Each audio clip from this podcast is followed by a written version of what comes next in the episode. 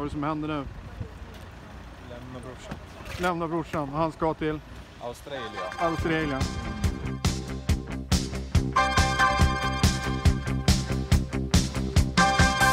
Han är trött på stan Det händer ingenting Det mesta är sig likt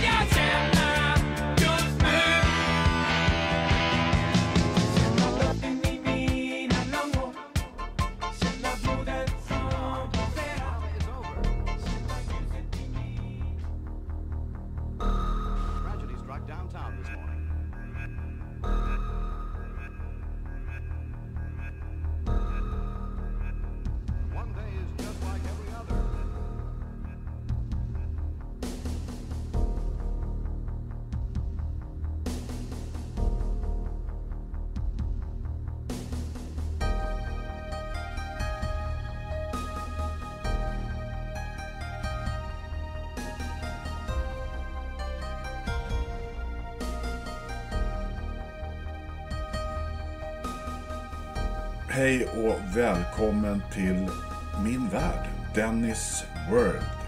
Dennis värld, ja, på svenska.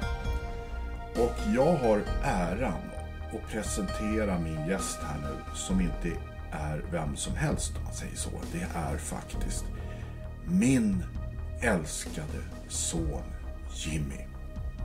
Jimmy Åsberg. Hej! Hej, Ja, fantastiskt. Här sitter vi du och jag. Och du är någon annanstans. Helt enkelt på andra sidan jordklotet. Hur är det där? Är det fint väder? Det har regnat lite idag men det, det är okej. Det, det är ju börjar närma sig vintern nu så det är bara runt 20 grader på dagarna så det är lite jobbigt. Bara 20 grader. Ja. Ja, man blir ju eh, inte lite avundsjuk. Man blir ju rätt mycket avundsjuk på det. Här i Sverige, eh, det är torsdag idag. Har jag för mig. Om jag inte helt ute och cyklar.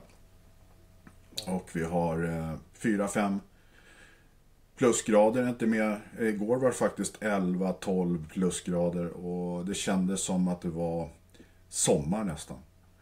Eh, och, och det började Eh, hända saker i backen och man känner den där lukten utav gräs. Eh, och och jag, jag ser fram emot våren här i Sverige för den är ju fantastisk.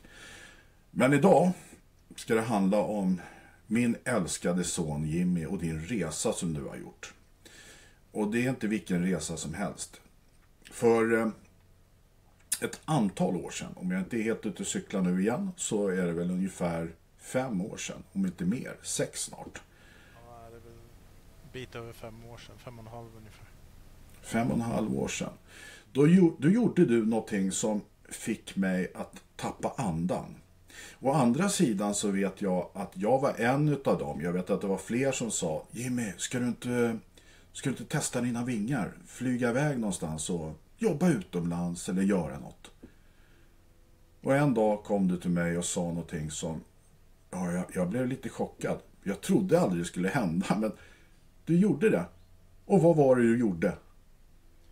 Jo, nej men så här var det att um, eh, när jag bodde i Sverige då bodde jag i en uh, liten hyreslägenhet, andrahands uh, hyreslägenhet i Täby.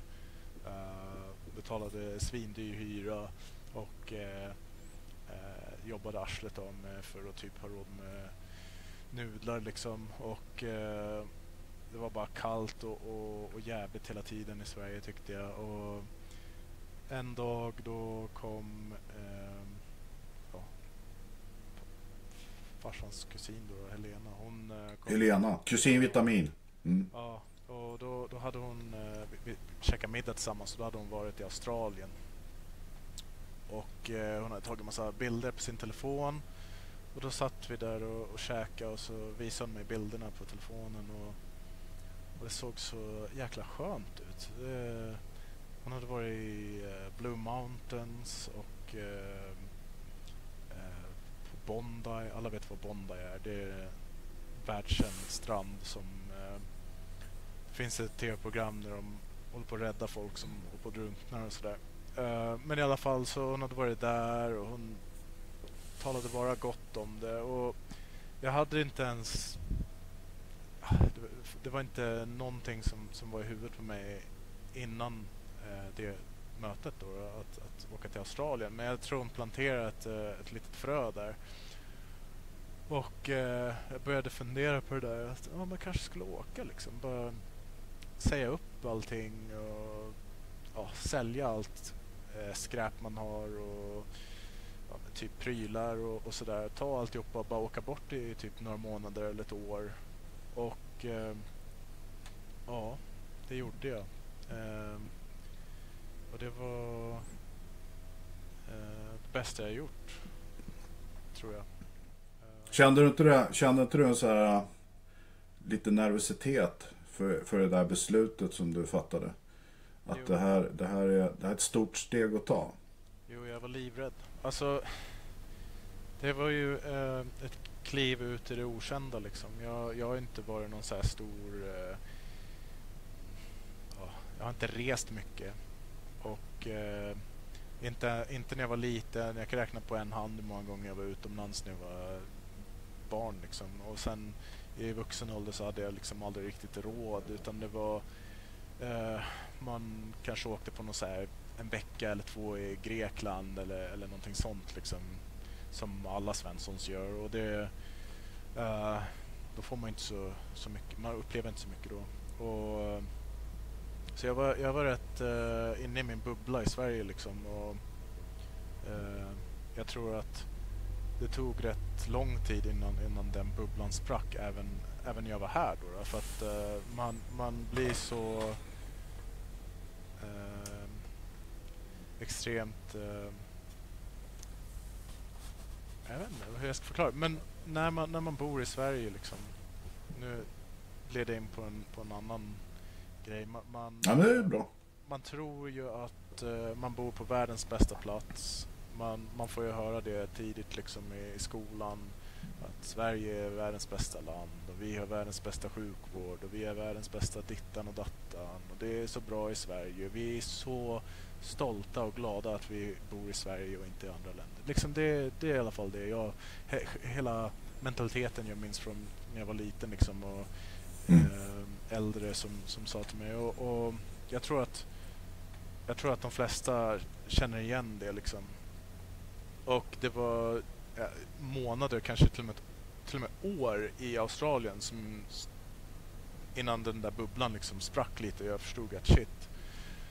Uh, varför stack jag inte tidigare? Liksom, Sverige är ju inte alls någon uh, bättre på, på, på något sätt egentligen utan uh, Sverige är ett, ett världens vackraste land liksom, i, tycker jag på många sätt och så men, men att bo i så det är en, typ en straffkoloni liksom. Folk slavar för eh, skitlöner och eh, eh, får ingenting för sitt slit och, och nej, jag, jag vet inte. Det, det känns som att när jag flyttade så ändrades mitt liv och, och det på, på jättemånga sätt men eh, jag, jag ångrar inte en sekund liksom. Men, jag, men det, jag hade aldrig åkt liksom om inte jag hade ehm, ja, tagit den här semestern då. För det var ju det det var från första början. Mm.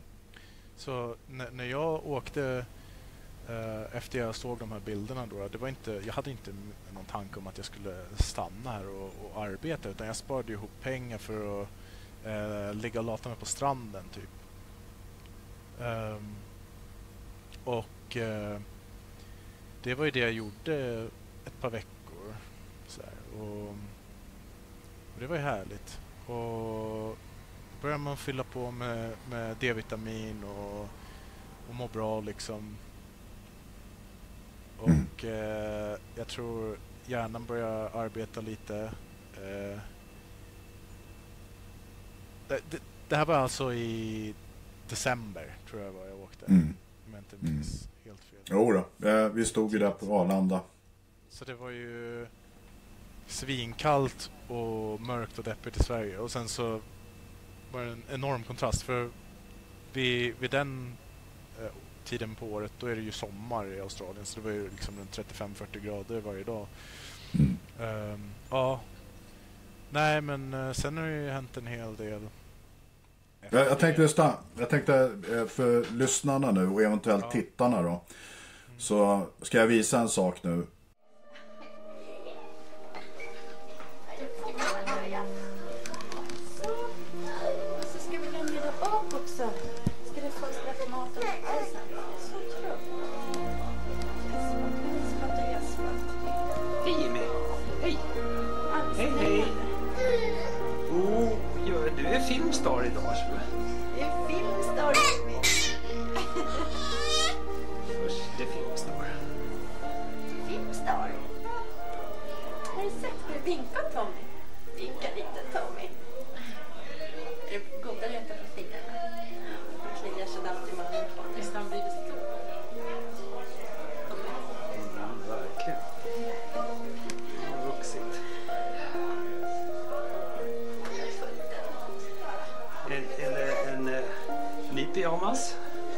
Pyjamas? Den, den har jag haft ett tag.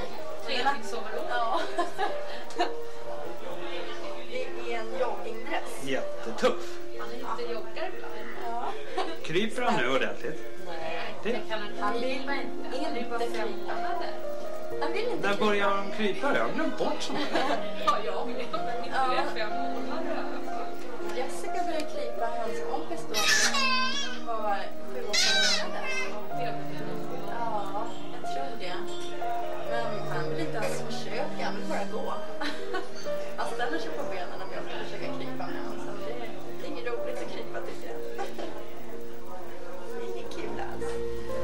gammal är han nu? Han är fem månader. Fortfarande räknar man alltså i, i månader och dagar. Ja, det gör man. Det är sex dagar. Fem månader och sex dagar. Nu börjar det hända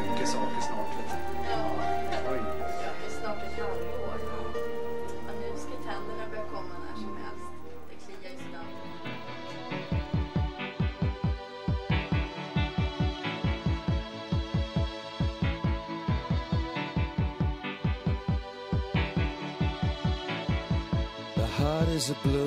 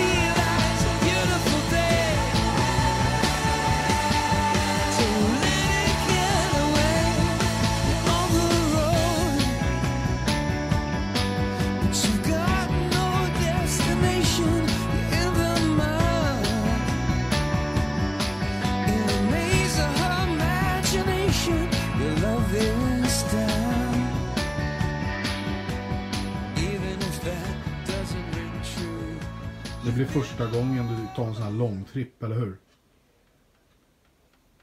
Vad, är det, vad, är- vad, är an, vad har du gjort förut? Utomlands? Ja, det, det... Bra fråga. Massa skit. Men jag, jag känner inte för. Du känner? Nej, du är lite nervös? Ja, men jag är stressad för fan alltså. Det är det som är det häftiga. Stressad. Ja, Jimmy alltså ska åka till Australien. Och planen vara borta då i ett år. Kanske. Ja, eller ett halvår. I alla fall vintern va, till att börja med. Ja. Ja, det är helt... Alltså det är... Snacka om jag är avundsjuk. Det är stort. Och pirrigt. Inte bara för dig, för mig också. Och för alla andra tror jag. Ska bara leka lite med spindlar och ormar och sånt där. Ska göra. Ute i skogen och boxas med kängurus. Mm. Eh, Ja, surfa bland hajarna. Nej, herre. ska du inte alls göra. Skaffa motorcykel. Nej, det ska du inte heller göra. Nej.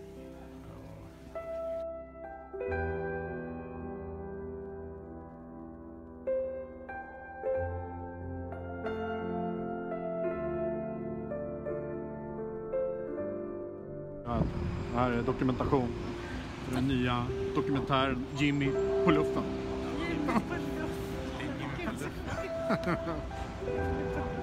Ja, men det kanske är något. Jimmy på luften.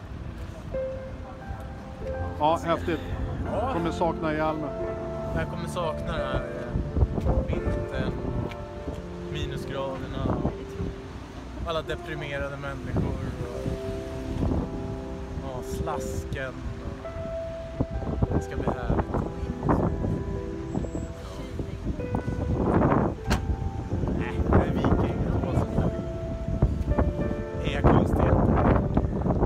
Arlanda. Han kommer bege sig in där, dörrarna. Och försvinna iväg för ett tag. Stackars oss. Kommer sitta och gråta, kan inte sova.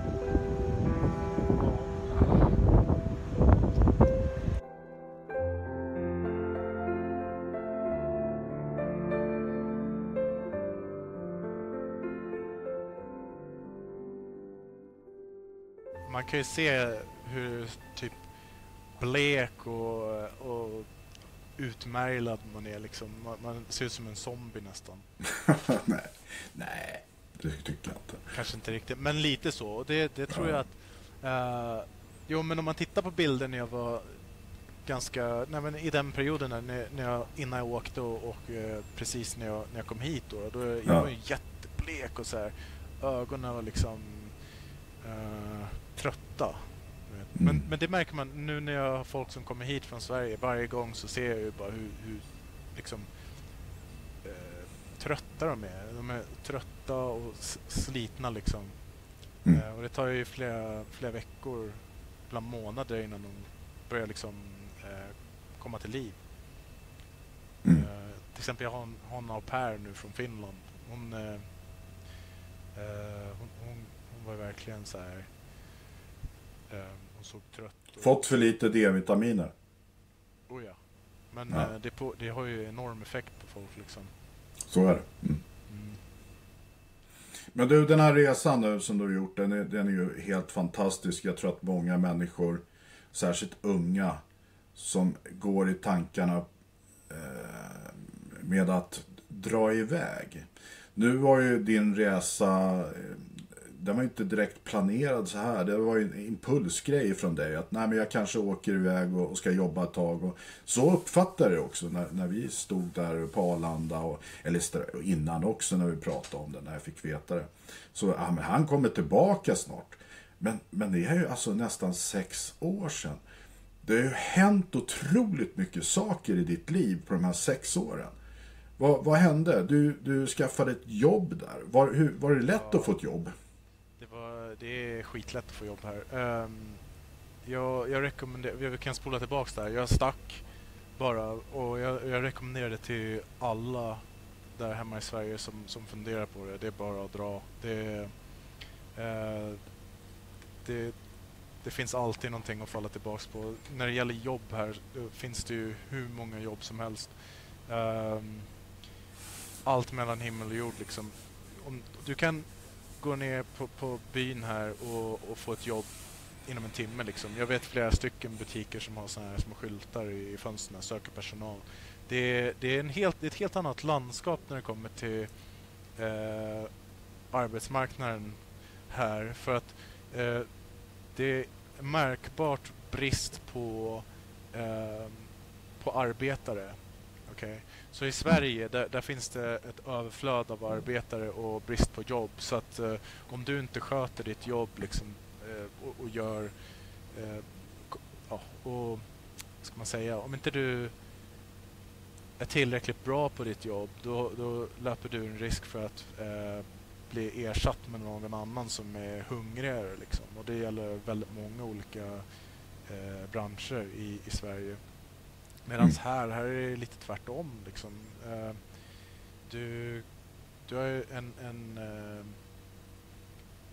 ja, du, du har, eftersom det är brist på arbetare så kan du till och med ställa krav när du söker ett jobb. Att ja, jag vill ha den här lönen och det är mycket möjligt att de går med på det om det är rimligt. Liksom. Mm. Och eh, ja, nej men det... Men hur lång tid tog det för dig från, ja, från först, ja, när du landade där och etablerade, du skulle ju ha ett boende. Var bodde du någonstans den första tiden? Ja du, jag, det jag gjorde första nätterna det var att jag tog in på sånt här, um, um, vad heter det, hostel för, för backpackers. Och Mm. eh, det var jätte, jag kände mig inte riktigt bekväm där för att jag, så här, um, ja, europé med typ så här, skor och eh, ja, och typ eh, hade, hade inte riktigt, jag visste inte vad jag, vad jag vad jag gav- mig in i när jag, när jag eh, hyrde in det där rummet. Så jag hamnade i ett, i ett rum med typ, jag tror det var så sex eh, arbetare. Inte sex arbetare utan sex... Sexarbete? sex- Ja, men sex- det, sex du kan prata om det nu. Ja, nej, men det var, Okej, det var ja. några så här byggarbetare som jag delade rum med och så här våningssängar. Jag tror jag sov där typ två nätter. Och eh, jag var ju livrädd att någon skulle komma och knycka min väska och sådär.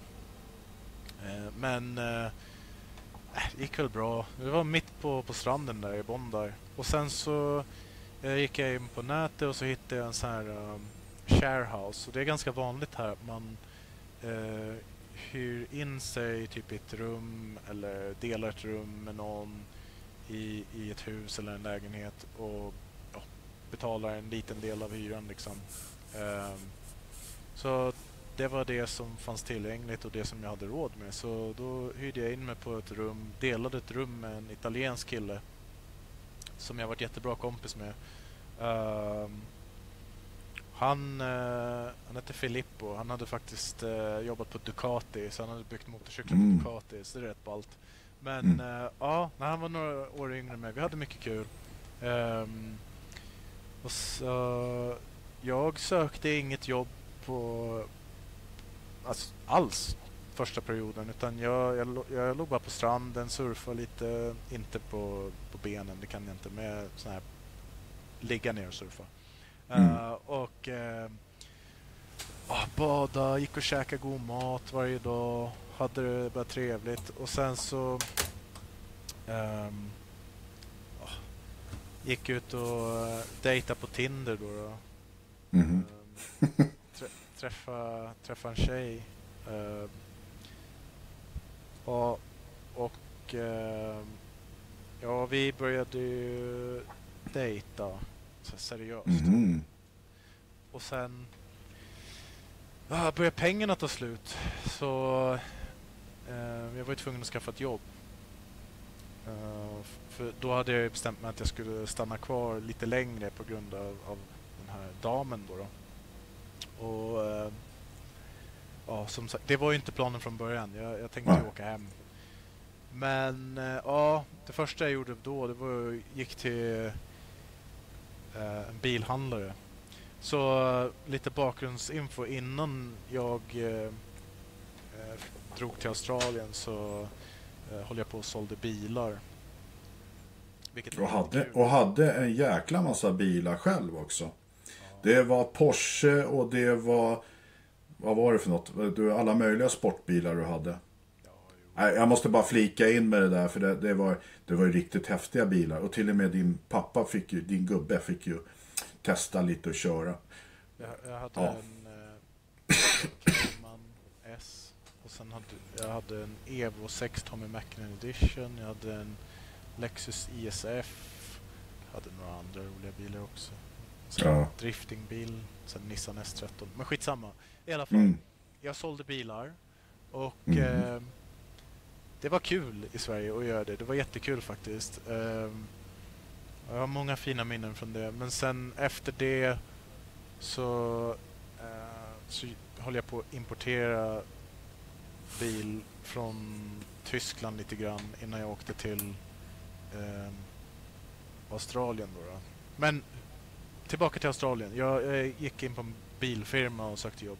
Eh, Mm. och ehm, ja, jag, jag, första firman jag gick in på var Volvo. Och då fick jag ett jobb där direkt. Alltså samma dag typ. Som jag, men det var hemskt alltså. Det var, det var en riktig skitfirma. Och eh, jag drog iväg till Nissan istället. Så efter ett par dagar så skaffade jag ett jobb eh, med Nissan. Och det var kul. Mhm. Där stannade jag kvar i, ja, vad var det? Det var lite mer än ett halvår kanske. Men eh, det jag fort upptäckte det var att eh, branschen i Australien är inte alls likadan som i Sverige utan det, det, är, inte, det är inte lika kul här. Mm. Eh, det var... Uff, man blev behandlad lite som, eh, som skit liksom. Och eh, ja, man kan tjäna mer pengar helt klart än vad man kan göra i Sverige. Men eh, det, det, var, det var mycket fula metoder. Det var, det var inte som i Sverige där man är lite ärligare mot varandra. I alla Mhm. fall. Eh, så, men jag hoppade från det till ett annat jobb där jag var säljchef eh, för en, en firma. Men eh, det, jag gillade inte det heller. Det var, det var inget bra liksom. Så då sökte jag ett jobb för staten. Och ja, det är samma jobb som jag har nu. Så det har jag haft i, i eh, är det, fyra och ett halvt år, fem år. Mm. Vi kan ju nämna det också. I Sverige så eh, var du under en längre period eh, inom Försvarsmakten också. Som militärpolis. Så du har ju en utbildning där. Och den drog du väl nytta utav också. Lite, jag tror lite grann. Fast ska jag vara helt ärlig, jag tror att det var väl kanske det som eh, en av de sakerna som, som, som satt på mitt CV som fick in en, liksom, lyckades få in mig på en intervju. Men Mm. det var ju en enorm mängd eh, människor som sökte det här jobbet och jag tror jag hörde typ så att det var några hundra som sökte den här rollen. Mm. Och eh, ehm, det var när jag gjorde min eh, test, mina tester och det var, det var flera dagar av tester då, så var det typ så här 20 pers med mig som gjorde samma tester. Och det var flera omgångar, det var flera kullar liksom. Mm. Och jag trodde inte alls att jag skulle få mitt jobb. Men, ehm, men det, det fick jag. Och, och jag har varit he- helt chockad helt ärligt. För att det är så ehm, annorlunda mot Sverige. Mm. Så eh, jag tror inte att jag hade haft en chans i Sverige. Men i Australien så fick jag en chans. Och eh, istället för att eh, ah, för att kolla på ett, ett CV och, och liksom avfärda så ja ah, men shit du är inte tillräckligt med högskolepoäng eller någonting sånt där va. Så, så utsatte de mig för extrema tester och det var liksom ehm, ja jag kan inte gå in på detalj vad det var men det var eh, verkligen för att gräva runt i huvudet på mig och se hur jag tänker. Mm. Och eh, tack vare det så, så fick jag jobbet liksom. Och det, jag är jättetacksam för det. men eh, ja. Så, så var det Ja. det. Ja, men det, det var ju inte vilket jobb som helst heller. Så att du har ju även klättrat där ännu mer. Eh, och jag tror att eh, eh, den turen som du också har haft. Men sen vet ju jag också Jimmy. Jag känner ju dig mest av alla, tror jag. Eftersom du, du påminner väldigt mycket om mig själv. Eh, Hur jag var i din ålder. Eh, så är du väldigt social och du är väldigt ambitiös och du är en doer, du gör det. Eh, och sen den här sociala kompetensen är, är jätteviktig och du är ju extremt social och trevlig och ärlig. Eh, och det är väl det som gör att väldigt många får upp ögonen för dig. Eh, och du, har, alltså, du, du skulle ju kunna klara i stort sett vad som helst. Jag kommer ihåg Eh, jag var ju på det. Jimmy, ska du inte åka till eh, USA? Ska du inte dra dit? Eh, bli skådespelare? Jag menar, herregud, du har ju alla förutsättningar i världen. Du kan ju göra precis vad som helst. Men, ja, du tog det där steget att åka till Australien. Och, ja, det, det eh, är häftigt. Och samtidigt för mig och för mamma så kan du känna så här, åh, oh, damn, han är på andra sidan klotet. Det är en bit att åka. Men vilken resa du har gjort och gör fortfarande. Vad hände sen då? Jag menar, du skaffade jobbet eh, som du fick då efter alla dessa tester. Vad hände sen Jimmy? Det var inte bara, jo men jag, jag ska gå in på det, men sen jag vill bara flika tillbaka där, att det var inte bara en massa tester. Så här var det ju att eh, jag eh, pluggade ju i veckor för att, så att jag visste liksom vilka lagar och regler som, som gällde kring den här rollen och, och Ja. vad jag kunde använda för eh, ja, verktyg i den rollen. Så jag kunde använda det i mina, mina intervjuer liksom. Så Mm. det var inte bara testerna. Men ja, sen efter det så jobbade jag där i... Ja, ja du. Jag, jag, jag slet på där i ja, några månader med, med eh, ett enormt projekt.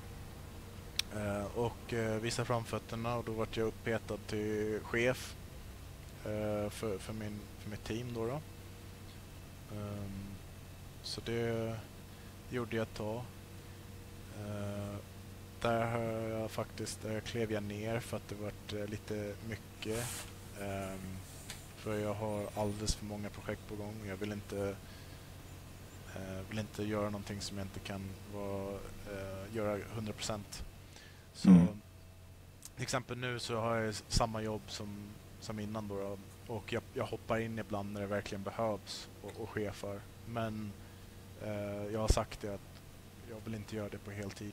Och eh, det är för att jag har också en firma ehm, som är som tar lite tid. Eh, vad är det för något då? Vi eh, säljer eh, utbildningar på internet eh, som är helt och hållet eh, self-paced. Alltså du kan göra dem i din egen takt och på vilket, eh, vilken dator eller telefon du vill. Och eh, de är alltså eh, inom eh, underrättelse och eh, eh, regulation, alltså sånt som är relevant för myndigheter och sådär. Så vi säljer mycket eh, ja, utbildningar, online-klasser och eh, även eh, face-to-face träning till ja, myndigheter runt om i hela världen faktiskt. Mm. Så, så där har vi lite jobb. Um, och sen så har jag ju det största jobbet som jag vill göra till min uh, heltidssyssla och det är ju husen. Och uh, det är det jag älskar att, att hålla på med. Så till exempel som det här huset som jag håller på och, och renovera nu. Men uh, jag kan ju... Alltså du, du måste ju berätta. Det, det här det är ju så fascinerande. Eh, det, det är inte bara ett projekt, precis som du säger. Du, håller ju på, du har så många bollar i luften. Dels med jobbet, det vanliga jobbet. Eh, och sen fick ni en idé om att bygga ett helt nytt gigantiskt hus. Eh, strax utanför Sydney. Och inte vilket hus som helst, men helt nytt. Berätta om det. Vad, vad, eller hur, hur kommer det sig att ni bestämde er för att bygga ett helt nytt hus? Och, och vad hände? Nej, men vi... Vi kom på det att eh, ett bra sätt att tjäna pengar i Sydney är att bygga ett hus. Eh, det är så kort och enkelt för att eh, det var en jäkla boom där för nu ett par år sedan då, då, där det, priserna bara gick rakt upp och eh, vi tittade på tomter och, och byggpriser och räknade lite och sa det att men det om man, om man bygger någonting på rätt ställe liksom då kan man nog tjäna en slant. Och ja, det var ju många månaders eh, research och sådär innan vi faktiskt eh, slog till. Men vi vi väntade på rätt tillfälle och så kom det en tomt som var otroligt bra. Eh, En stor tomt i ett helt nytt område som eh, hade bra rykte liksom och, och mycket framtidsplaner med typ så här, eh, tåg och bussar och sånt som kommer gå precis i närheten där och shoppingcenter och, och allt sånt. Så då såg vi den där tomten och, och tänkte så här, det här är en guldgruva. Den, den slår vi till på och då klippte vi den tomten och sen så eh, letade vi en, en vettig byggfirma och det tog lite tid. Vi tror vi pratade med så här 40-50 olika byggfirmor och fick offerter från, från så många. Och Mm. eh, gick igenom dem liksom punkt till pricka och kollade så här, vad, vad är bäst värde för pengarna liksom? Och vad, vad blir mest... Vad, vilket, vilken firma kan göra bäst resultat liksom för, för ett hus som, som ser jättelyxigt ut och, och redo att liksom säljas till eh, den här målgruppen då, som vi hade föreställt oss att sälja till. Och eh, då hittade vi en firma till slut som, som kändes bra och eh, ja, vi kom på en rätt intressant design på huset som var lite annorlunda än, än, än resten av området. Lite större och eh, lite finare liksom. Det var lite, lite högre standard sådär. Så vi byggde det och sen så inredde vi det med jätteflådiga möbler liksom för att få det att se så lyxigt som möjligt Mm. ut. Och så kö- köpte liksom eh, kristallkronor till varenda rum, liksom så här moderna, häftiga. Gjorde allting för att få det att se så jävla dyrt ut som möjligt. Mm, men det, det är så man gör om, om man ska tjäna pengar. För att eh, vi eh, det funkar ju. Vi sålde det där huset för rekord i området. Eh, och det var när marknaden började gå ner liksom efter, efter covid. När, när ingen köpte hus. När våran eh, mäklare han sa det, oh, nu är det dålig, dålig tid att sälja. Vi sa nej, nu får du slänga ut den. Och så sa jag så här, jag vill ha så här mycket. Och han sa, nej men det där det är ju mer än vad något hus har sålt för vårt område. Och sa, japp, släng ut den. Och det tog första visningen så var det en snubbe som slog till direkt. Så det funkar ju. Ja. Det var bara för att huset var så mycket bättre än grannarnas hus. Och du Mm. vet, eh, den här målgruppen som vi fokuserar på, de, de är så här, de vill se bättre ut än sina grannar liksom. Det är hela... Mhm. Ja, så, Det var ett sånt område eller? oh ja. ja, men det var ju, Ja. det, var ju det vi planerade från, från dag ett Mm. liksom, när vi byggde det. Så det. Men det funkade. Så då gjorde vi en rätt bra eh, affär där. Och sen eh, så hittade vi nästa projekt. Det är det här huset jag håller på med nu. Och, Och vad är det för eh, hus då? Det är ett eh, ja, sen nunneri eller vad, heter det? Nunneri? Gammalt kloster? Ja, men typ. Och, Typ. Eh, nu, jo, men inte ett kloster, men nunnorna bodde här och tränades här i, innan de blev riktiga nunnor. Och eh, det är ett ganska stort hus. Mm. Jag tror det är runt, någonstans mellan så här 600-700 kvadratmeter. Eh, Och vad litet. Ja, men det, det är ju enormt projekt liksom.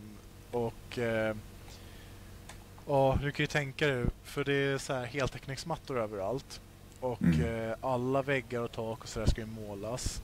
Så jag sliter upp heltäckningsmattorna i ett sånt här stort hus. Ja, det är så hemskt alltså. Men jag gör allting själv. Och Mm. eh, det är hur kul som helst. Och jag håller på att lägga nytt golv. och eh, jag har målat vissa rum redan och gjort lite andra detaljer. Du kan ju lägga in lite såna här bilder ehm, som jag kan Ja. skicka till dig. Ja. Ehm, och det blir riktigt fräscht. Så ja, det här huset det, det ligger i ett sånt här jättefint område uppe i bergen. Som, eh, och målgruppen här det är en helt annan målgrupp. Så Ja, var, var någonstans i... Bor du? Var är det här huset nu? jag tänker inte säga exakt. Nej, inte adressen, men... men Nej, men det är ett fint område här uppe i bergen. ja, men det... Finaste det området. I Blue Ja, jo. Ja, i Blue Mountains ja. Det, och jag tror att väldigt många som har varit i Australien och, och i Sydney har åkt dit.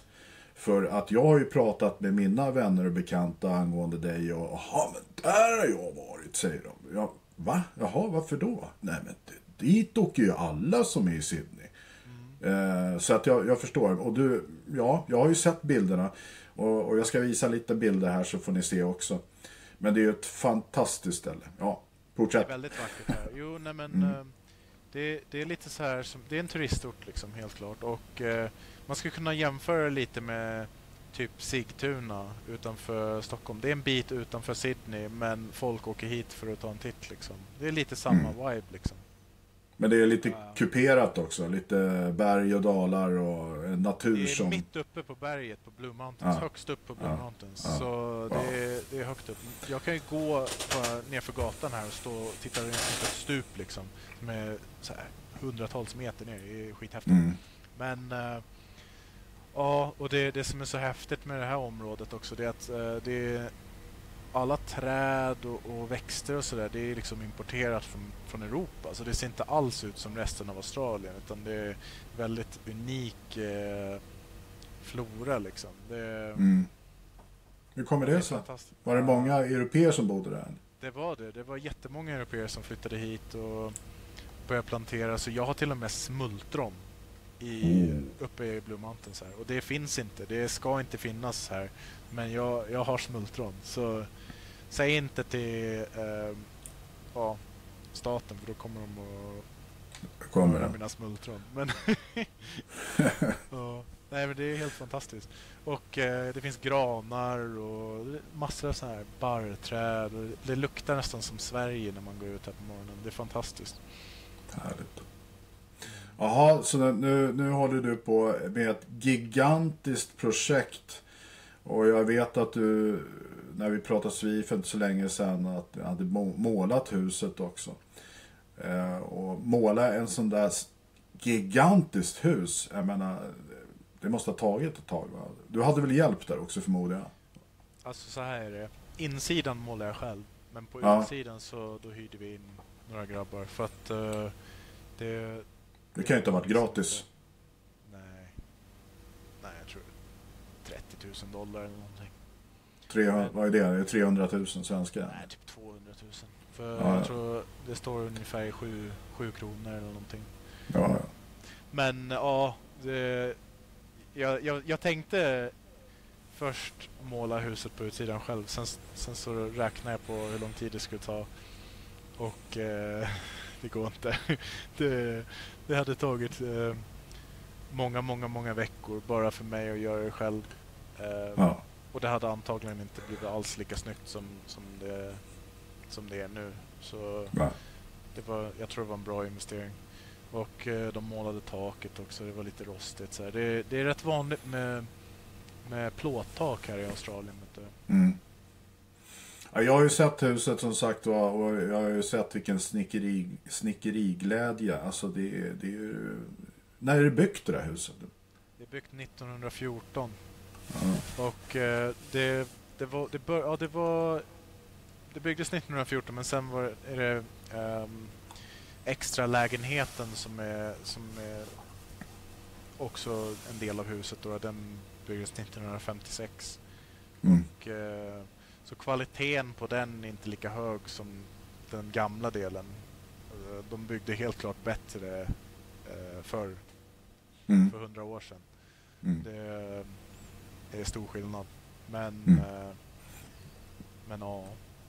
ja. Det är ett fantastiskt hus. Alltså, det är så mycket detaljer och sånt där som man inte ser i, i hus nu för tiden. Och speciellt nu när man har byggt ett hus från scratch liksom, så vet jag hur mycket det skulle kosta att eh, göra såna här du vet, sniderier med, eh, ja, med, så här, ja, med detaljer liksom. Det är svindyrt. Mm. Men jämför priserna här i Sverige då. Eh, vad, vad är det för skillnad? Ja du. Alltså, Hur är det med virk, virkespris och sånt där? Virke är svindyrt här. När jag åker ner Ja. till, eh, till butiken här som är liknande... Byggmax, ja, typ Hornbach. liknande. Det Mm. heter Bunnings här och de har allting.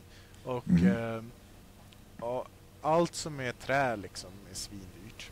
Det, det är löjligt. Så vill man bara till exempel som nu, jag tänkte så här, "Åh, jag undrar om jag ska klä mina trappor med, liksom, med, med, plankor och göra dem lite snygga.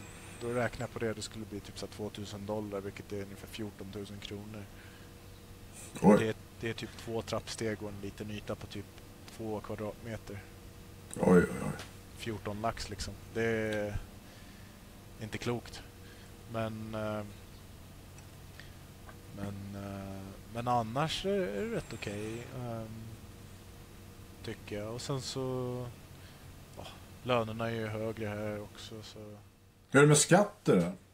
Jag menar, du köper en fastighet där i Sverige, en lägenhet eller ett hus, radhus eller whatever, och eh, ska sälja så, så är du ju skyldig att skatta vid försäljning. Hur funkar regelverket däröver?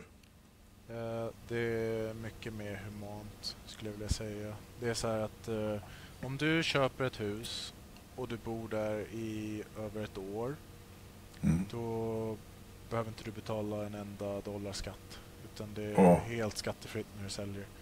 Wow. Däremot om du köper huset, du bor där i mindre än ett år så är det en, en liten bit skatt på vinsten som du, som du tjänar om du har någon vinst. Då. Okej. Och eh, sen så är det så här att om du bedriver en verksamhet i, eh, i din fastighet som om vi skulle till exempel hyra ut eh, Airbnb-rum här, liksom, vilket är, Mm. Det är jättebra business. Men om vi skulle göra det då skulle vi behöva skatta på vinsten när vi säljer huset så att vi kan, Mm. inte, kan inte göra det tyvärr. Ehm, men eh, nej, det är Alltså till exempel som vårt förra hus som vi byggde från scratch. Då, där, där bodde vi inte ens ett år liksom. Och eh, kunde ändå sälja det utan att betala en enda krona i dollar i skatt. För att eh, Mm. eh, det finns särskilda regler som gör det lite lättare om du har ett, ett nybyggt hus. Mm. Så det, det är helt... Eh, Vilken skillnad mot här då? Ja, det, nej, jag tycker det är jättebra. Mm. Humant liksom. I Sverige där vill de ju bara komma åt varenda krona du har liksom. Det går inte att gömma sig.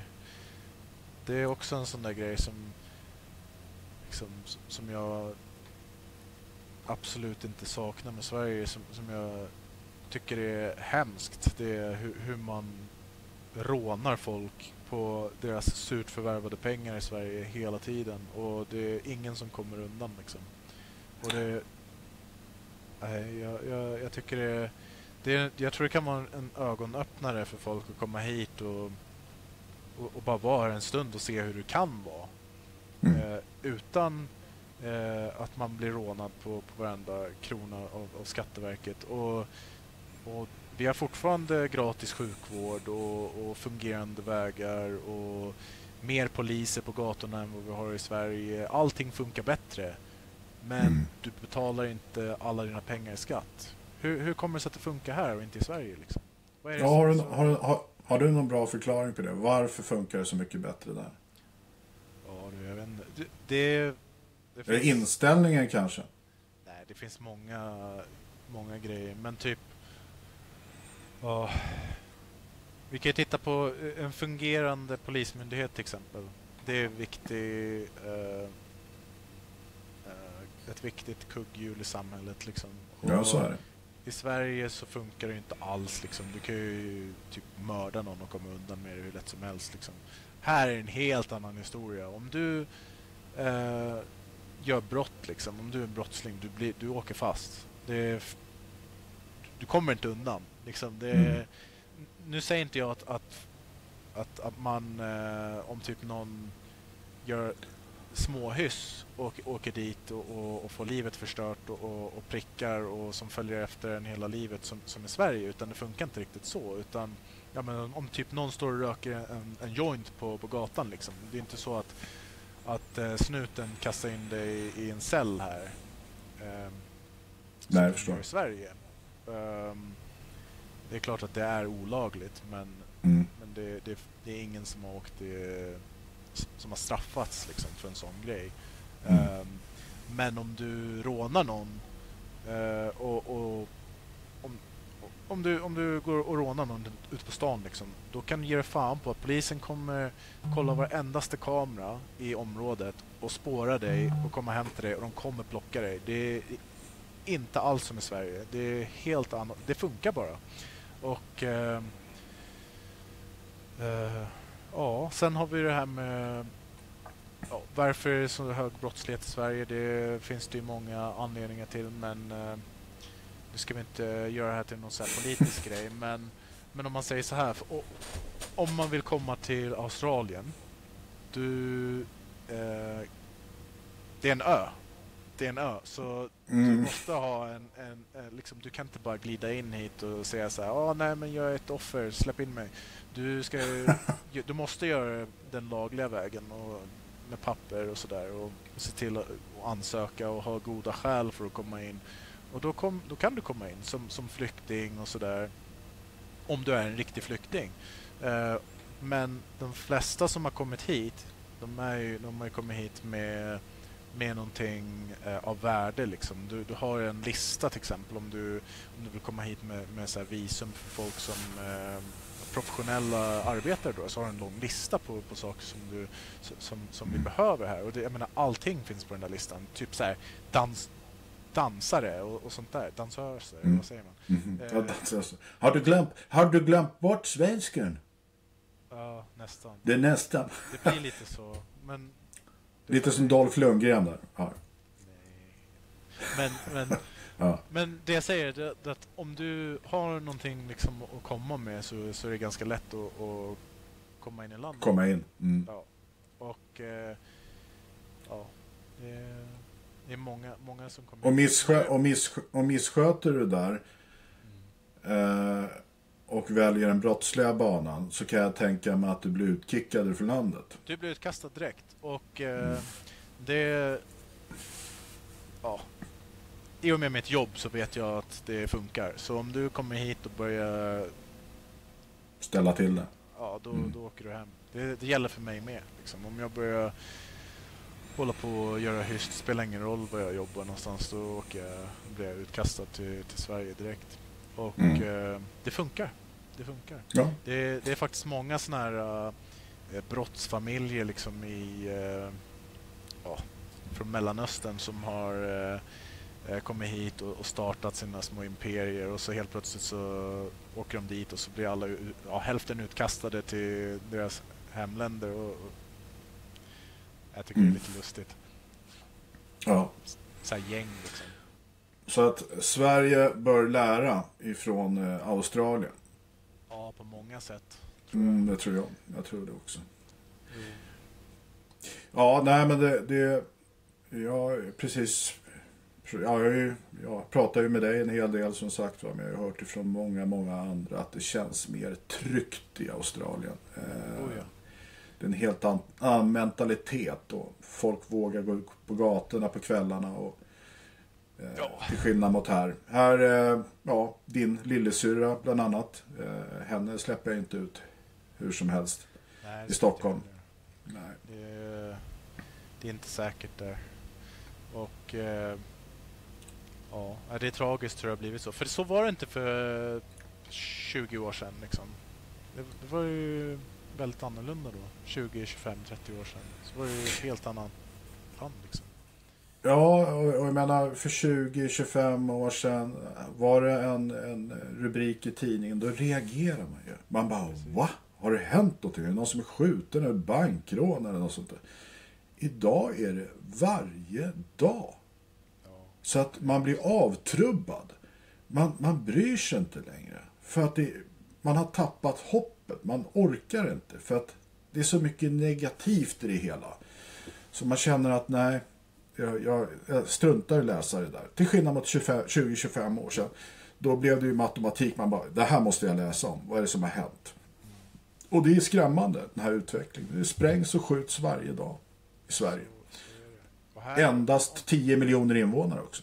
Ja, det, här är det ju bara, jag tror det är 25, 25-26 miljoner invånare. Men om det händer något sånt där, typ att det är någon som skjuter och har sig, då det är ju överallt i tv och tidningarna här. Vet du, då, eh, även om det händer liksom i en annan stat. Och, och, och, jag menar, det här landet är ju en kontinent, det är enormt. Liksom. Och, och det händer på andra sidan, liksom, i, i Perth, om någon skjuter någon. Då, då är det på nyheterna liksom, framför, framför mig direkt. Ja. Det, är, det är en stor grej. Så det, är- det är lite som det brukade vara i Sverige. Ehm, ja. Och det är, det är kanske en av anledningarna till att du valde att stanna kvar där. Och skaffa ett liv där. Att med att det känns inte tryggt och, och Eller? Har jag fel? Ja, jag vet inte. Det är väl ett, egentligen... Kombination kanske? Om Det, ja, det är så många saker så... Jo, men det, det är väl en kombination av att man eh, faktiskt får någonting för sitt slit. Liksom.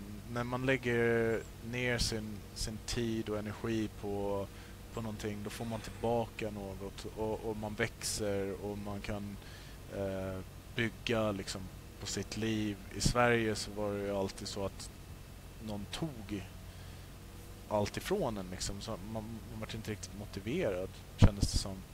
Eh, och eh, sen så är självklart kärlek. Jag menar, jag har ju min, Mm. Min dam här och, och sen så har vi ju en liten pojke nu.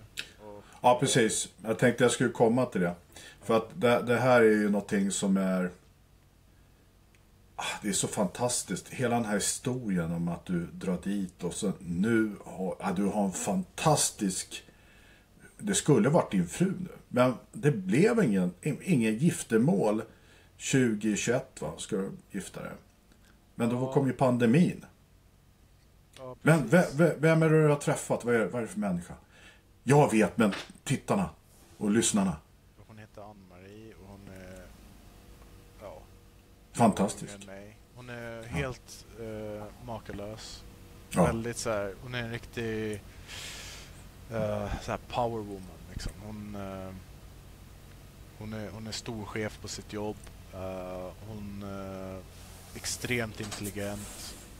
Hon har massa såna här utbildningar, master hit, hit och dit. Jag fattar inte varför hon eh, ville vara med mig men ja, men det fattar jag.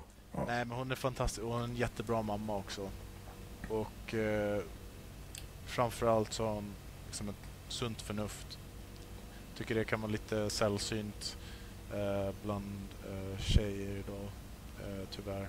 Och eh, det, när man hittar en, en pärla då ska man ska man hålla fast vid henne. Så ja, Ja, jag, jag trodde inte att jag eh, skulle hitta rätt. Jag, jag träffade mycket brudar sen när jag bodde i Sverige och eh, dejtade många, många tjejer.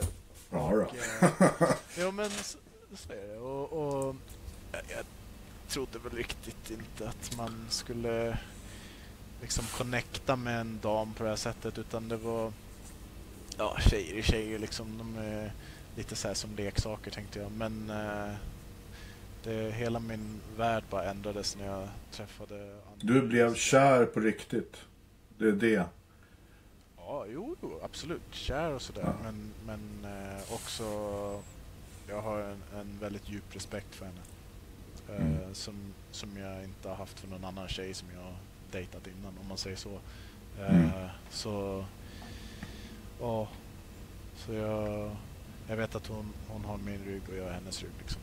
Eh, och vi hjälper alltid varandra. Liksom, om, eh, och det, det, det är värt så mycket. Liksom. Jag, jag hjälper henne, guidar henne med det som, som, som jag kan och hon mig med, med det som hon kan.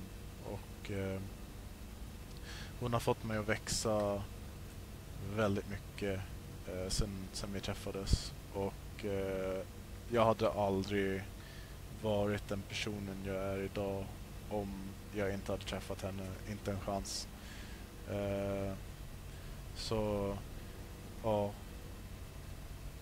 Jag önskar att alla människor på jorden får samma möjlighet som, eh, som jag fick. Träffa den rätta, men, men tyvärr så är det inte så. Det är nog väldigt, väldigt ovanligt. Och eh, i alla fall, vi, eh, vi är ju ett team liksom. Eh, och, och vi har ju firman tillsammans. Eh, vi båda jobbar ju för staten liksom, och på olika Mm. sätt, helt olika ställen men Mm. liknande. Ja, vi gör ju det här med husen tillsammans. Nu är det jag som gör allt slitgöra liksom, men hon har ju också väldigt bra smak så, ehm, så vi bollar ju idéer fram och tillbaka eh, rätt mycket. Det, det är Mm. vårat projekt liksom. Eh, och så, så gjorde vi också teamwork. Vi gjorde ju det, eh, våran son då. då. Mhm. ja, eran son. Ja, ja, det, eh, som sagt var, nu är jag farfar. För första gången. Och det för mig är jättestort. Och jag kan tänka mig att det, det, det är mest, mest fantastiska ni får uppleva som föräldrar. För det kommer jag ihåg när du som första barn kom till världen. Det, det var en känsla som svårt, svårt att förklara i ord. Men så mycket kärlek, så mycket lycka när man får bli pappa och förälder. Ja. Och nu, nu är ni föräldrar till en fantastisk kille. Mm. Jo, nej men det är helt klart eh, det bästa som finns. Det var ju, jag måste säga, det var lite läskigt sådär i början. Eh, när han kom ut där, körde kejsarsnitt och jag stod där och tittade på när de drog ur han ur. Börjar vingla lite så här. Nej, men det var, man kände, man blev lite, lite snurrig. Eh, Ja. Ja. Nej, men det var, det var lite läskigt och han såg ut som en liten alien när han kom ut. Så här, Conehead. Mhm. Ja, men, eh, men nej, det är fantastiskt nu. Så nu är han, är han 10 månader. Mm. Och ja, han kan ju nästan gå. Och han, eh, han har liksom några fraser som han säger och han gör ljud och han pekar och sånt där. Så det är kul. Och han skrattar hela tiden. Han är alltid jätteglad. Mm. Ehm, ja, det är det bästa som finns. Jag önskar att jag hade mer tid bara med honom. För att jag jobbar så mycket och sådär. Men eh, vi har ju, har ju en au pair. Och det är ju Mm. stor hjälp. Ehm, faktiskt. Men det kan jag tänka mig. Det, det tycker jag att eh, om man har möjlighet att ha en au pair så ska man ha det. Oavsett om man bor i Sverige eller i något annat land. För att eh, du, du, du låter någon bo med dig, du ger dem en liten slant eh, och de, tar, de hjälper till med så här ja, Hemsysslor och barn. och- Mm. Ja, och eh, på samma gång så får ju de eh, möjlighet att, att se världen lite eh, utan att hålla på och betala för mycket för boenden Mm. sådär. Så det, det är ganska bra liksom give and take. Ehm, så till exempel våran au pair, hon tycker det är jättekul här uppe. Hon är ute och vandrar i bergen och så jag är, jag är glad att jag har henne. Ehm, ja. Så, så var det med det. Mm, ja, men det är inte bara det. Det är helt otroligt. Eh, en fantastisk, underbar son har ni. Och eh, jag är stolt farfar och jag vet att mamma är jättestolt. Vi alla är det i släkten här och vi längtar efter er så otroligt mycket. Det är svårt att sätta ord på det, men det är... Ja, men det, det, vi ska träffas snart, hoppas jag. Eh, du, eh, framtiden här då? Eh, nu är du förälder, du har toppjobb, du har gigantisk kåk. Är det 29 rum du har va? Är det 28 eller 29? 27, 27 rum. Men det är om man räknar typ alla korridorer och alla såna här garderober och sådär. Det, det var... Det, det är ju, ja, jag vet inte, kanske åtta eller nio sovrum. Så, Ja. men, men saken är, eftersom det är ett sånt gammalt hus va, så, och det är här uppe där det blir lite kallare, så byggde man väldigt många rum och eh, väldigt många dörrar så att man kan eh, reglera värmen. Va? Så Mhm. att eh, jag räknade alla dörrar huset, det var 44 dörrar. Okej. 44 dörrar. Jag har inte räknat fönstren än, men det är väldigt... Glödlamporna då? Ja, vad fan var det? Det var ju 120 eller någonting. Ja, bra. Hur är det med elkostnaden där? Är ni drabbade som vi? Nej, nej det är vi inte. Det, men visst, det har gått upp lite, men det, det är inte så farligt. Um, gaspriset har väl gått upp lite. Här använder man mycket gas och det är för typ eh, även ja, för, för spisar och sånt, men även för eh, uppvärmning av huset. Till exempel det här huset har eh, Mm. gasvärme, vilket är udda. Jag har aldrig sett det förut, men det, det funkar. Ehm, och eh, det är så här gammalt med så här ventilations... Eh, ja, gasvärmen släpper ut värmen ur golvet. Så att, Mhm. jag vet inte om det, där har du... Ja, ja, där bakom där. Jag ser det. Ja. Ja, precis. Så, Smart. det är lite konstigt. Men, eh, men det funkar. Det funkar. Ja. Det, men det är billigare än el är det i alla fall med, med gas Okej. för att värma upp. Och jag var ju faktiskt livrädd när vi flyttade hit. Jag tänkte att det kommer bli så dyrt för att det är så stort hus. Men det det är Mm. faktiskt inte så farligt. Och, men det, äldre hus blir ju dyrare såklart. eh, av Mm. många anledningar. För att värma upp och med elkostnader och sånt där. Dåliga ledningar och ja, dåligt isolerat. Så vårt förra hus som vi byggde då, det helt nya, det var ju... Där kunde man ha på allting liksom och det kostade ingenting i el. Det var typ så här, ja, kanske en tusen kronor motsvarande liksom i kvartalet. Mm. Och då hade vi tv och datorer och allting. Ja, herregud. Mm. Ja, det, det är en viss skillnad mot här med andra ord. Oh ja. Ja, du Jimmy, alltså.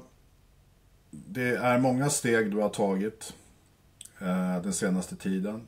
Och du har ju uppenbarligen lyckats. Eh, och jag är väldigt stolt som pappa. Eh, och vad är nästa steg för dig nu? Nästa steg. Vad har du för mål? Jo, men, men så här är det. Man, eh, man ska ju alltid ha ett mål, liksom en plan. Mm. Och eh, jag kan inte riktigt gå in på exakt vad, vad min plan är, men jag har en, en rätt stor plan. Eh, men jag kan inte avslöja det. Men jag kan säga så här, kortsiktigt så kommer jag fokusera på eh, det här huset och sen nästa projekt som jag har eh, ja, klurat ut vad jag ska göra, men det kan jag inte gå in på detalj på heller. Och, eh, men jag ska vara ekonomiskt oberoende och gå i pension innan jag är 40. Okej, då ska vi... Nu är du 34.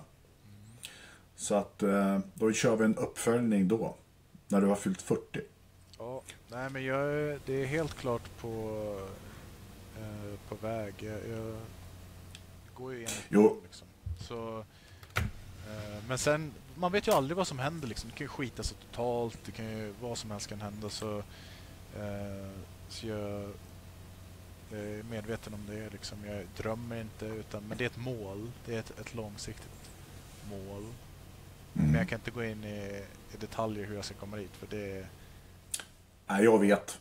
Jag vet vad du har för mål och jag är rätt övertygad om att... Eh, ja, Så, och det handlar Det inte bara bra. om pengar utan eh, saken är pengar. Eh, alltså, det är inte vad som är viktigt för mig utan anledningen till varför jag vill kunna vara ekonomiskt oberoende på det sättet eh, när jag fyller 40. Det är för att då kommer min son att vara ja, ungefär vad blir han, 6-7 år gammal. Och Mm. eh, jag vill kunna resa med honom, ja, hela, hela familjen då, eh, fram och tillbaka till Sverige och eh, se till att han får ta del av kulturen i Sverige och i Australien och att han får eh, vara med sin släkt i båda länderna och att eh, vi kan göra det utan att eh, behöva oroas för att ja, men oj, nu har vi bara två veckors semester kvar och ja, eller typ som mitt jobb nu, jag får fyra veckors semester om året liksom. Det räcker inte jättelångt liksom. Så eh, det är ju för, eh, för familjen som jag vill kunna mm, mm. göra det här. Ja. Mm. ja, det är fint. Och det är... Eh, jag är rätt övertygad om att, att du kommer att vara där ganska snart. Men eh, ja, vad, vad kan du ge för råd och tips till unga tjejer och killar som befinner sig i Sverige nu så går ju tanken med att ja, nej, varför ska, jag, jag vill inte vara kvar här. Jag vill hitta på något annat. Ett äventyr i livet. Vad, vad gör man? Ja, jo men först och främst att ha en, en plan viktigt.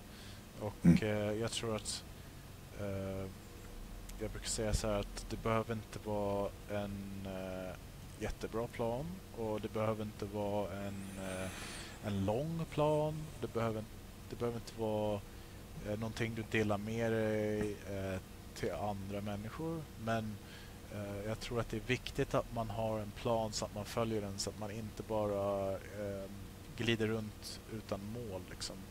Eh, det, det kanske låter som en självklarhet för många men eh, jag hade ingen plan när jag var typ i 20-årsåldern. Och det var största problemet med, med, med mig tror jag. Att jag, jag levde liksom en dag i taget eller kanske en vecka åt gången. Och, och det, man kan inte leva så. Du, du gör dig själv en otjänst nu. Gör det. Och Eh, ja, desto längre du planerar, desto bättre. Och desto bättre chans har du att lyckas. Och sen mitt andra tips um, som jag skulle vilja ge till, till alla liksom, oavsett uh, ålder och kön eller var du bor någonstans. Det är att man uh, ska inte vara rädd för att vara obekväm. För att uh, du kommer ingenstans om du inte är obekväm. Och det, det gäller inte bara typ när du går till gymmet och, och ska bygga muskler utan det, det gäller hela livet. Om du, om du bara gör det som du är bekväm med då kommer du inte komma någonstans. Så att eh, ja, det, det är en sån där grej som jag tror... Våga ta risker med andra ord. Ja, Mm. Jo, fast eh, även om det inte känns som en stor risk och det bara är någonting du inte riktigt är bekväm med att göra så måste man tänka så här, ja men vad är eh, vad, vad, vad, är, vad kan eh, resultatet bli av att jag gör det här även om det är Mm. obekvämt? Är det eh, någonting som är bra för dig? Ja, men gör det ändå liksom. Det, Mm. det är värt det. det. Det kommer kännas bättre efteråt. Och jag tror att det eh, en sån sak som faktiskt eh, min, eh, min fästmö har eh, eh, hjälpt mig att och liksom printa fast i huvudet att, att det när, när, man, när man tänker så här, ah, nej men det där vill jag inte göra för det känns inte bekvämt. Då, då måste man direkt nypa det i rumpan och, och liksom, nej. Nu gör vi det ändå. Mm. Mm. Så det... Ja, och det, det tror jag... Det tror jag också kan låta som en så här självklarhet för vissa människor som har eh, kanske fått eh, lite mer eh, ja, stru strukturerad uppväxt kanske. Eh, för det hade inte jag. Och, men, eh, men jo, men jag tror faktiskt att det är så. För om man, om man som barn liksom eh, Mm har eh, lite struktur och så här, ja, nej, men man, eh, nu ska du liksom städa ditt rum eh, och det är inget snack om saken. Bara ett exempel. Men liksom så att om, om, Mm, om man mm. lär sig tidigt att det är någonting som, som du gör men du, det, det är bra efter. Du, du är glad efteråt eftersom du har ett städat rum. Liksom. Mm. Och det, det är lite obekvämt att göra men, men du, du gör en självklarhet. Liksom. Det är klart jag ska städa rummet. Det är obekvämt men jag gör det ändå. Ehm, ehm, nu är det bara liksom ett exempel men jag tror att om, om man lär sig tänka på det sättet som, som ung redan då blir det lättare. Och jag tror som jag sa, det, för många låter det som en självklarhet. Men det var inte för mig. Och, ja. Nej, du, du, du var rätt eh, uppassad om jag säger så. Du var... Eh, men du hade ju en tuff period också Jimmy. Eh, Uppassad vete fan, jag bytte skola nej sju men, ja jag vet. Ja, ja, jag vet. Nej, men sen var det ju tufft. Vi hade ju en skilsmässa också som eh, du gick igenom tillsammans med din bror. Eh, och eh, det var ju tufft för oss alla i hela familjen. Det var det ju. Eh, så att, eh, ja, nej men det, det, det är jättebra det du säger. Jag håller fullständigt med dig. Eh, det är viktigt att lära sig redan tidigt. Eh, att kunna ta ansvar och kanske eh, inte ta för givet saker och ting. Som vissa gör. Eh, nu, hade, nu var det ju så i ditt fall att du, du vi, eh, du fick eh, eh, du fick det väldigt bra på många sätt men väldigt många saker var negativa också. Och jag vet ju själv som pappa, jag var ju, ja du vet hur jag höll på med alla företag och allting jag sysslade med. Jag tror att det, det är viktigt för mig nu när jag har eh, min, mina barn. Det är att Mm. eh, jag ska försöka ge dem lite mer eh, ja, lite mer struktur runt deras uppväxt. Liksom. Och speciellt nu när Sverige ser ut som det gör så känns det rätt skönt att kunna eh, ge dem en uppväxt också i, i ett land där, där det är lite, lite bättre skolor och sådär. Jag menar jag kommer ihåg de skolorna som jag gick i i Sverige var ju totalt alltså, det, hemska. Vissa var ju helt okej. Jag Typ, um, Råsundaskolan var rätt trevlig. Eh, Mm.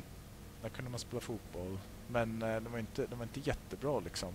Ehm, nej, vi- vissa skolor som jag gick i var, var hemska. Alltså, det var så mycket våld och eh, brottslighet och folk som typ stod och knarkade mitt i skolan liksom.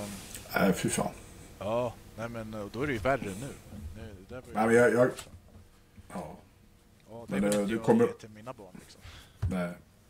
Nej, sen kommer du ihåg, jag sa det till dig väldigt tidigt också i livet. Att, eh, jag sa väl inte kanske så, men eh, se till att skaffa plattformen först klar innan du skaffar barn. Se till att göra de här viktiga sakerna med tryggheten. Eh, och, och det var ju för att jag själv gick igenom det här med eh, med att ha massa saker som företag. Jag höll ju på med, som entreprenör och visionär som är med malla, ma, massa saker och sen så, så glömmer man lätt bort att man, man har faktiskt andra man måste ge tid. Och, och, det, och det är någonting då när man blir äldre som man tänker på att fan alltså, kunde jag backa tiden och varit mer aktiv pappa och kanske varit mer närvarande. Eh, då hade man ju sluppit det där. Eh, men just då när man är ung så sa och och det har jag ju sagt till dig, att se till att ha de där bitarna klara. Nu är du 34 år gammal, det är nu du skaffar barn och, det är, och du har ju allting också. Det är det som är så fantastiskt. Jo, Men lite, det tog jag verkligen till hjärtat. Så. Jag, jag minns Mm. att du sa det och jag, jag minns det, det fastnade liksom verkligen i huvudet på Ja. mig. Och jag har varit livrädd för att hamna i en situation där eh, ja, man sätter sig i en fälla. Bara. Och det har ingenting Mm. med hur, hur du och morsan och sådär när ni var unga. Fick, för, för det gick ju relativt bra liksom. Nu gick det åt helvete sen men, eh, men om man säger så det. här. Menar, det var inte så att ni eh, levde på, på brödsmulor liksom. Men, Nej. eh, men, men jag, jag kommer ihåg så här, efter jag hade slutat gymnasiet och så där, det var jättemånga som jag gick i skolan med och så där. Jag började se dem ploppa ut ungar liksom och de bor i någon så här skitig liten hyresrätt i Hallonbergen och typ eh,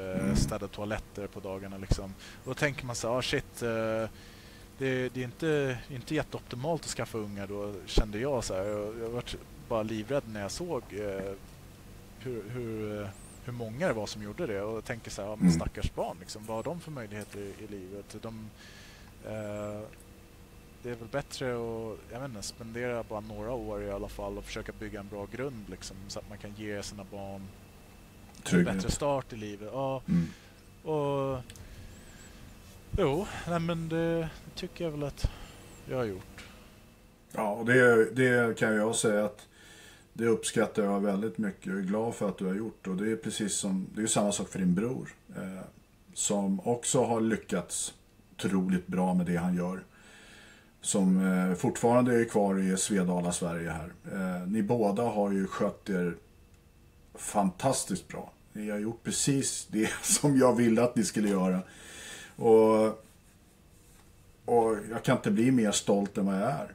Eh, ni, ni är så fantastiska, både du och, och din bror. Och mina andra barn också. Det går ju jättebra för dem också. Men nu är du i Australien och lever ett liv där. där och det är ju som sagt det är ju på andra sidan klotet. Och det är inte bara att flyga iväg och... Eh, så att... Eh, Det, det är en jäkla planering och flyget Ja. tar ju liksom så här 25-30 timmar med mellanlandning och det är svindyrt också så det är, ja, det är det är inte optimalt alltså. Och sen det här med covid alltså det var ju katastrofalt. Ja, vi ska, det skulle vara ett bröllop där som sagt var. Allting var planerat. Ja, det var fan tråkigt alltså. Vi, vi hade ju hittat värsta stället. Det var så fint. Och det var, det, Mm. så, det var så pass eh, fint att de har spelat in massa såna här uh, reality-serier där när de gifte sig och sådär. Mm. Du vet med en liten så här sjö med, med, med lite ljus på. Och det var Mm. en farm liksom. Jättevackert. Och eh, Mm. Ja, vi hade bokat in allt och skaffat ett så stort jävla orkesterband som skulle spela. Och det var... Eh, vi slog på eh, stora trumman alltså. Vi petade in enorma pengar i det där jävla bröllopet. Mm. Ja, och sen så kom covid och vi bara, ha, vad ska vi göra nu då? Vi kan inte ha bröllopet med utan alla från Sverige för att de kan inte flyga. Alla plan slutar ju att flyga. Så då Mm. diskuterade vi det. Bara, ah, nej, men vi skjuter upp det. Och då sköt vi upp det en gång. Och sen så sköt vi upp det en till gång för covid Mm. försvann ju inte. Eh, och sen tredje gången då sa vi det att nej men då vi gör så här, vi skjuter upp det och gör det senare, typ i Sverige kanske. Mm. Eh, efter covid. För att vi hade tröttnat lite eh, på att skjuta upp det. Eh, och det hade liksom, magin hade försvunnit lite. Ehm, så då kontaktade vi det här stället och bara, ah, nej men vi vill ha pengarna tillbaka då. Och de bara, nej, ni får ingenting tillbaka. och det var så här flera hundratusen kronor liksom. Ja. Enorma pengar. Och vi bara, vad fan, skärp er, ge tillbaks pengarna. Och de sa, nej vi har ändrat vår policy. Vi har, vi, har, vi har ändrat vår policy. Så här är vår nya policy. Ingen, eh, inga pengar tillbaka. Och vi sa, vi bara, nej men det funkar inte så. Vi, vi skrev ju på ett papper med en annan policy. Mm. Så det vart en jäkla fram och tillbaka. De tog in en advokat. Och, men vi tog aldrig in någon, någon advokat utan vi, skötte det själva. Men det slutade med att de betalade tillbaka alltihopa. Uh, Mm. De vart ju skitnödiga. Ehm, men eh, ja. Nej, Ja, det var bra att ni fick tillbaka pengarna i alla fall. Men det var jäkligt tråkigt att det inte Ja, blev men det något var flera, bröllop. Månader av uh, Mm. strul innan Krigande. Mm. Ja, det var inget kul. Så det dödar ju magin lite också. Så Mm. ja, vi får se. Vi har inte bestämt oss vad vi ska göra riktigt än, men eh, vi får se. Bröllop blir det i alla fall framöver. Och det är någonting jag ser fram emot. Ja, Verkligen. Det är mycket jag ser fram emot. ja. Ja. Jimmy, vi har suttit och snackat nu i en timme och 18 minuter exakt. Och vi kan sitta så mycket längre och snacka om det här. Eh, Men om vi avslutar det här. Vad är det du saknar med Sverige? Eller vad saknar du i Sverige? Eh, familjen såklart. Det är det viktigaste i livet tycker jag. Mm. Det är ju... eh, det viktigaste av allt är familjen. Eh, Mm.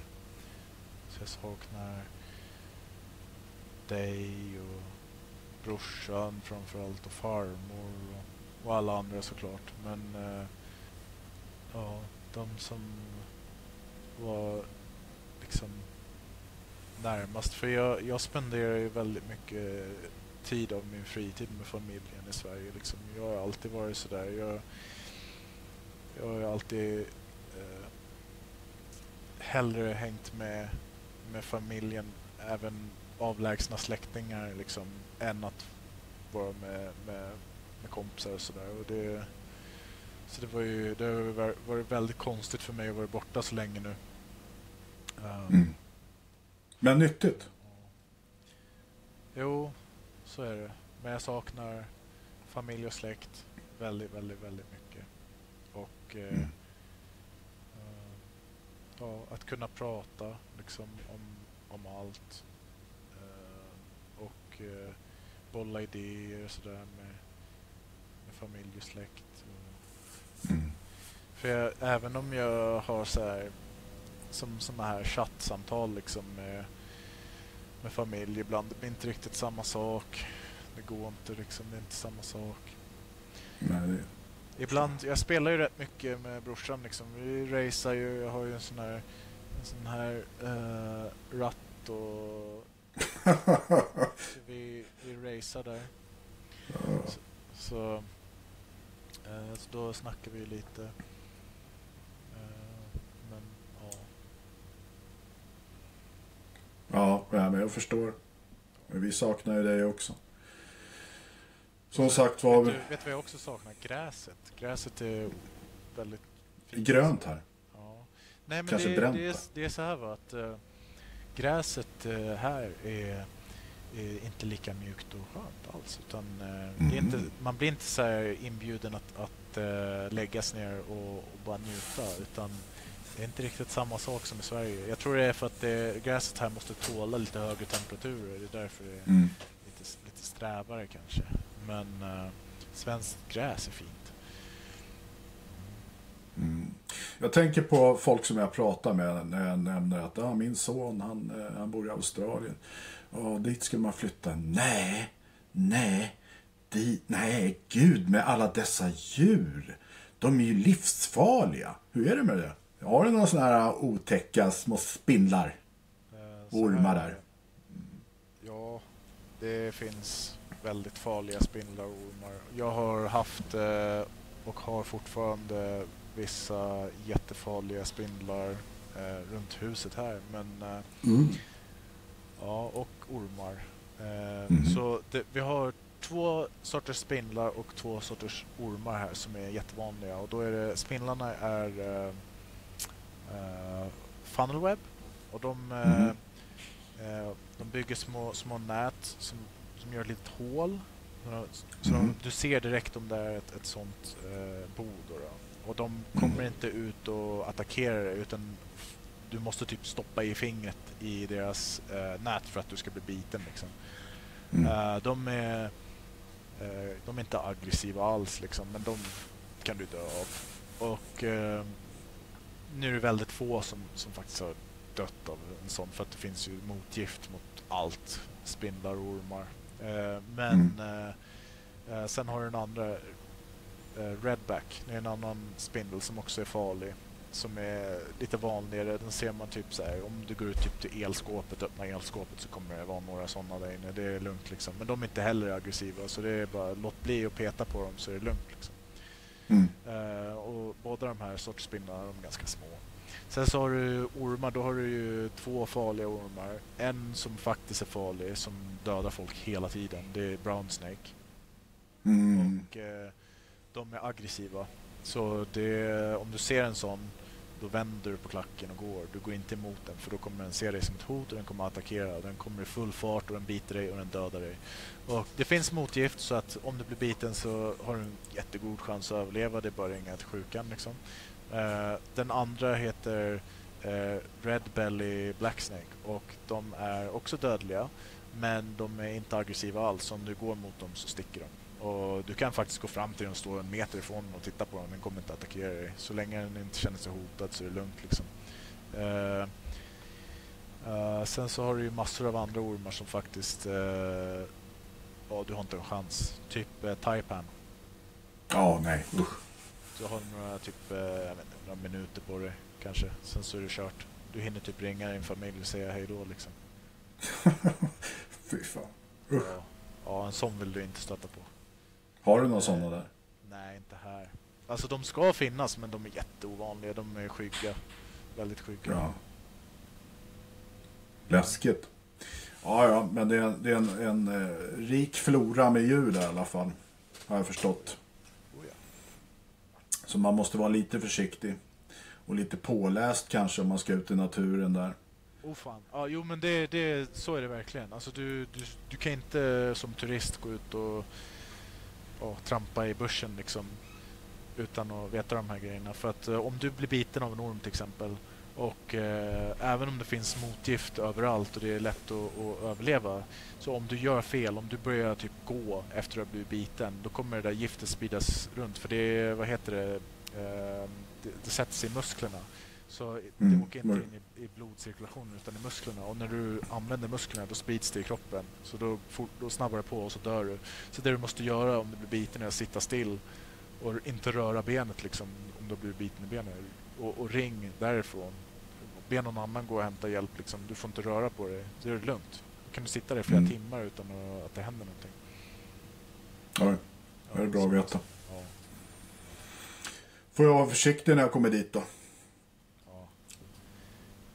Ja. Du, du, vet du vad vi ska göra? Vi ska ut och leta guld.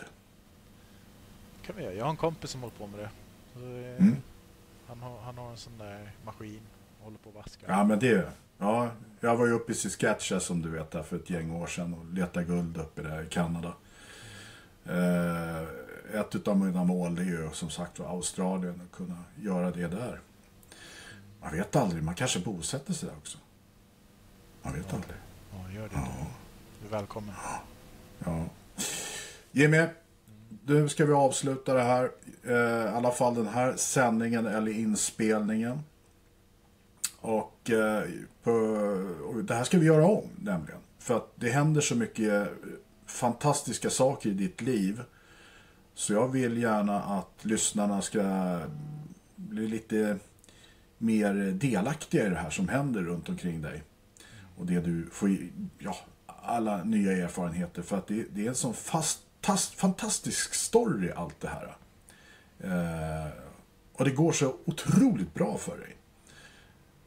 Eh, så, ja. Jimmy. Tack för att du ville vara med din pappa här och spela in det här. Ja, det var min... eh, my pleasure. Liksom. Det var kul. Great. Så nu ska du, vad är klockan hos dig nu? Eh, 10 i sju. Så nu är tant sur vet du, för att det är middagsdags. Ja, För nej men då får du, 50 minuter sedan. du får ta hand om eh, din son och din tant.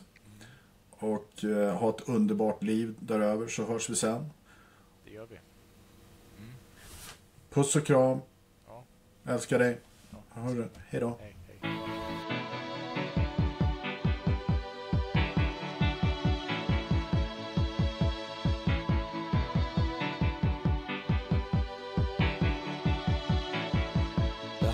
there's a blow. Shoots up through the stony ground. There's no room No space to rent in this town. You're out of luck. And the reason that you had to care The traffic is stuck. And you're not moving